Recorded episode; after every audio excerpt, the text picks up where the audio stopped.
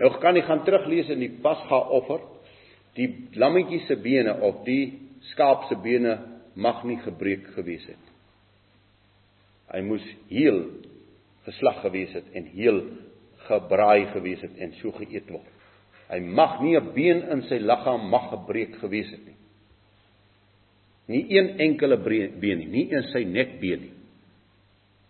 So hulle het hom net gesny dat die bloed uit sy are uitloop. Nou ontloop ook al sy bloed uit. En dit was die voorskrif vir die volk om so dood te maak al hulle offerandes. En as Joshua aan die vloekhout hang, dan kom daar die soldate en dan breek hulle die kruiselinge langs aan se bene. Maar Joshua word nie 'n been gebreek nie, so getuig die skrif. Nie 'n been van hom word gebreek nie. Hoekom nie? Omdat hy 'n beeld van hierdie offerlam kom, vlekkeloos sonder gebrek en sonder dat 'n been gebreek word en ter wille van ons kindertjies ek herhaal dit weer. Waarom het hulle die bene gebreek van die gekruisigdes? Omdat hulle bene nie reguit was op die aan die vloekpaal nie. Hulle bene was krom gebuig. En daar was die daar was dit so gewees, vertel hulle. As hierdie persoon wat so hang benoud word, dan stoot hy hom op aan sy bene. Dan kry hy weer lug in sy longe in. En hy stoot hom altyd op aan sy bene. En so leef hy langer want dit is 'n dis 'n normale reaksie by die mens. En daarom slaan hulle die bene van daai gekruisigdes af sodat hy hom nie verder kan opstoot en hy sterwe.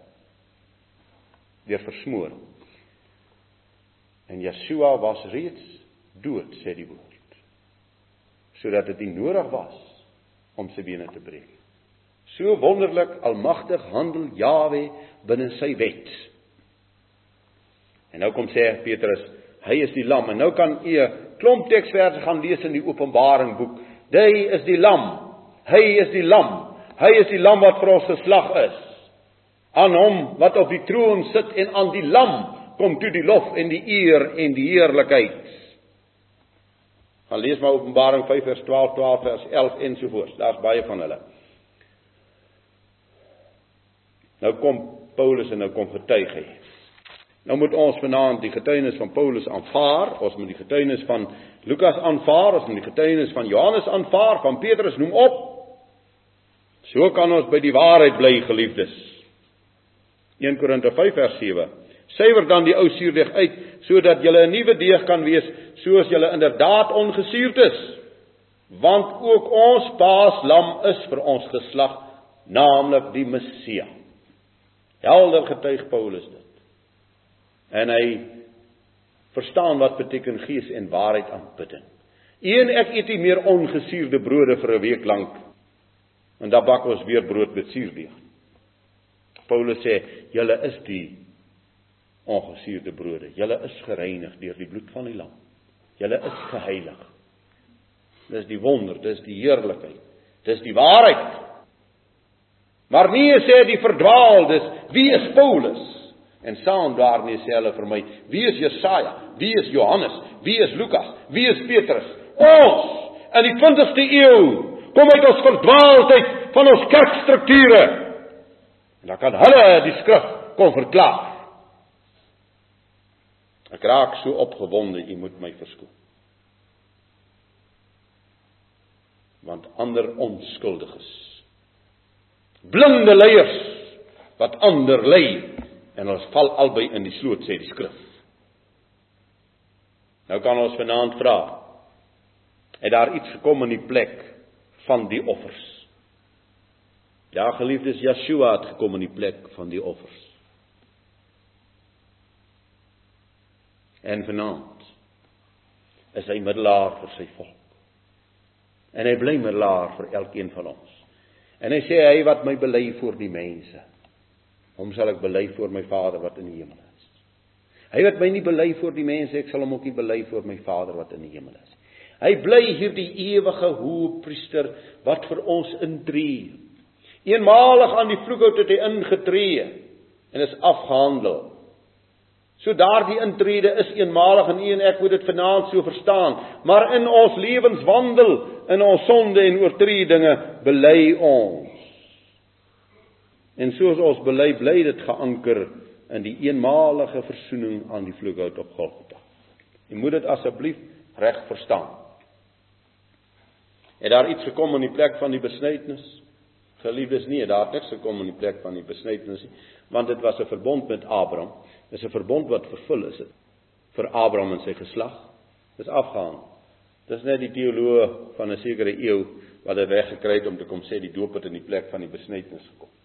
Nou hoe hulle dit reg kry, weet net hulle. Ek weet nie. Waar hulle dit vandaan kry, verstaan ek glad. Ek het ook vroeër as NG Kerk predikant so geglo, want jy het so geleer. Maar waar staan dat die doop in die plek van die besnydenis gekom het? En toe doop hulle nou sommer die dogtertjies ook. Jy kan die belaglikheid daarvan sien. Hoe kan die doop in die plek van die besnydenis wees?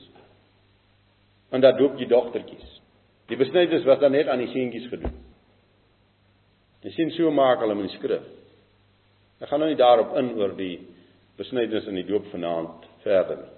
Maar daar's niks in plek van die besnydenis gekom. Het daar iets in die plek van die Pasga gekom? Ja, in die Pasga se plek. Het daar 'n wonderlike teken gekom. En daarmee kan ons dan voor verder vorentoe aangaan. Daar het 'n wonderlike teken gekom in die nuwe verbond in plek van die Pasga. En ek sal verduidelik hoekom. Hoekom dit so deurgegaan het dat ons by die nagmaal uitkom in die plek van die Pasga. Ons Vader, dankie dat U vir ons leer, dat U vir ons onderrig. En ons weet vanaand U doen dit omdat U vir ons liefhet en omdat U vir ons wil behou op 'n waarheidspad. In my eie hart is daar net een groot gebed vir U op in U woord vir my. Openbaar wat nodig is wat ons moet verstaan vir hierdie tyd. Jawe, U weet. U weet dat die drang wat ons in ons harte het om U waarheidspad te wandel, dit is nie uit onsself nie. Dit is 'n gawe van U. En daarom dank ons U want ons weet die goeie wat U begin het. Hierdie goeie werk sal U volëindig. Ons wil U daarom vertrou dat soos die dae kom, U vir ons hierdie magtige skrifwoord al meer sal ontvou en oopmaak vir ons sodat u volk in hierdie eeu van soveel verdwaaldheid 'n baie helder waarheid sal hoor. O koning van ons harte, ons verhef ons harte tot u en ons loof u. En ons prys u naam. En ons bring ere en dank en lof. Want wat 'n wonder. Wat 'n heerlike aangrypende wonder om onder gesag van die Heilige Gees u skrifte mag lees en te mag hoor.